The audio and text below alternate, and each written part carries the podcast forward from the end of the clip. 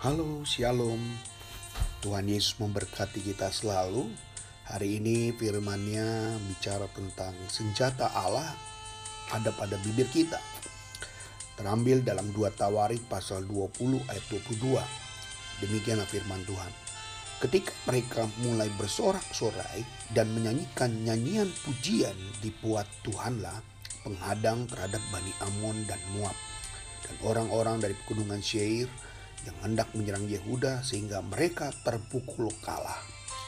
Jadi kalau kita perhatikan bukan hanya yang kita dengar waktu Yosua ya dia bernyanyi bersorak-sorai meniupkan nabiri Allah dan mengelilingi tembok Yeriko. Dan akhirnya tembok Yeriko juga roboh. Ya sebanyak 13 kali mereka berkeliling. Di situ juga kita lihat nyanyian pujian penghadang bagi Bani Amon dan Moab ya dan mereka juga terpukul kalah. Jadi kita percaya hal ini sudah jauh sudah juga dilakukan. Bukan baru sekarang perkara itu akan terjadi lewat pujian kita mengalahkan ketakutan lewat pujian kita mengalahkan kebimbangan ya. Biarlah itu juga tetap bertahan. Mari kita lihat.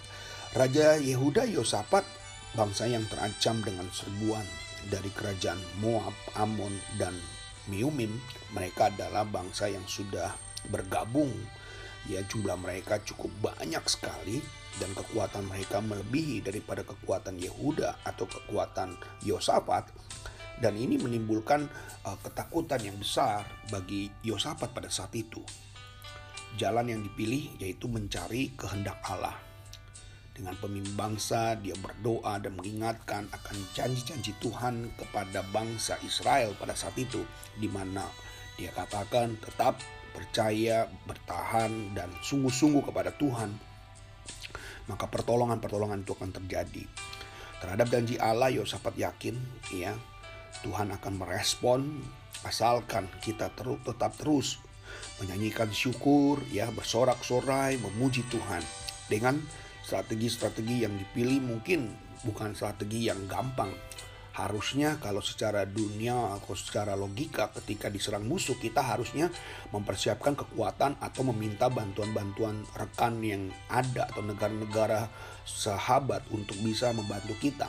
Tetapi justru Yosafat berbeda sekali. Dia melakukan hal yang berbeda sekali, yaitu menempatkan penyanyi-penyanyi dan pemukul rebana yang ada di barisan depan dan lagu yang mereka pilih adalah nyanyian syukur kepada Allah bahwasanya selama-lamanya kasih setianya Tuhan kepada mereka. Jadi ini adalah suatu pernyataan iman yang dilakukan oleh Yosafat bahwa jika Tuhan yang dahulu membebaskan nenek moyang mereka dalam keadaan yang mustahil, sekarang pun kita bisa dibebaskan. Ya, kalau kita ingat kalau Tuhan tolong orang-orang lain yang dalam keadaan terjepit, dan Tuhan membebaskan. Percaya Tuhan juga pasti akan menolong kita.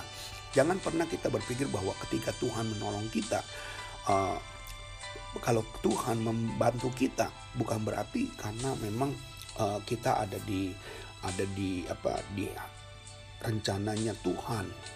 Tapi memang Tuhan sudah yakinkan bahwa itu memang tugas dia untuk dia membela saudara.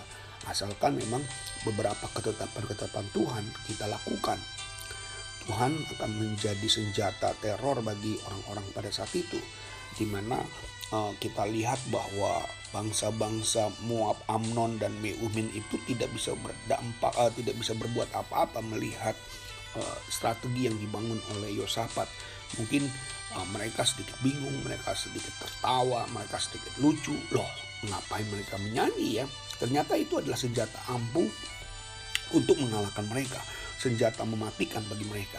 Yosafat mengingat perbuatan dan janji Tuhan di masa lalu yang menjadikan dasar. Ingat ya, jadi kita tahu bahwa hari ini pertolongan Tuhan itu nyata, bukan bala tentara yang dia kirim buat saudara, bukan dengan uh, teman yang datang membawa bantuan-bantuan, bukan dengan orang-orang yang memberikan sumbangan-sumbangan dalam hidup kita, tetapi dia memberikan hati yang penuh dengan sukacita.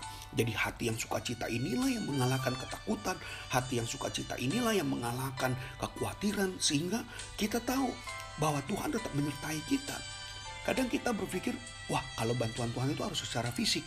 datang orang yang membantu kita, ada yang kasih uang buat kita, ada yang kasih semangat buat kita secara langsung. Lalu kita bilang ini dari Tuhan.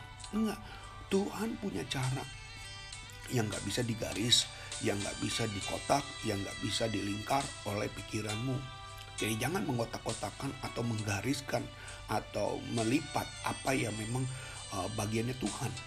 Kita bukan bagian di situ untuk mengetahui bagaimana cara Tuhan untuk menolong saudara dan saya. Jadi Tuhan berperang bagi kita, dia menolong, dia memberikan kebebasan bagi kita, seperti yang dia janjikan bahwa dia tidak menyayangkan anaknya sendiri, dia menyerahkan bagi kita semuanya, bagaimana mungkin dia mengaruniakan segala sesuatu kepada kita bersama-sama dengan dia, lalu dia membiarkan kita. Jadi Tuhan tidak pernah anaknya saja diberikan buat saudara, anaknya saja eh, disediakan untuk saudara semua supaya saudara yang tidak selamat menjadi selamat, masakan hanya menolong uh, dalam rasa khawatir, tidak makan, atau takut, lagi sedang sakit, percayalah, Bapak di surga adalah Bapak yang baik. Dia tidak pernah menghitung berapa kebaikan-kebaikan yang sudah engkau lakukan, tapi dia tetap terus mengingat kalau engkau sudah mengasihi dia. Doakan hari ini biar engkau bersyukur, kasih setianya untuk selama-lamanya. Biarlah Tuhan berperang, dia ketika dia membuat intervensi keadaan kita, menjadikan pengalaman rohani yang mengubah hidup kita. Kita jadi teguh dan kita akan melihat keberhasilan. Tuhan penolong bagi kita semuanya dan percayalah pujian-pujian yang kau naikkan itu berdampak ya tidak ada yang sia-sia. Teruskan pujianmu di mana pun kau berada dan Tuhan Yesus memberkati buat kita semuanya. Shalom.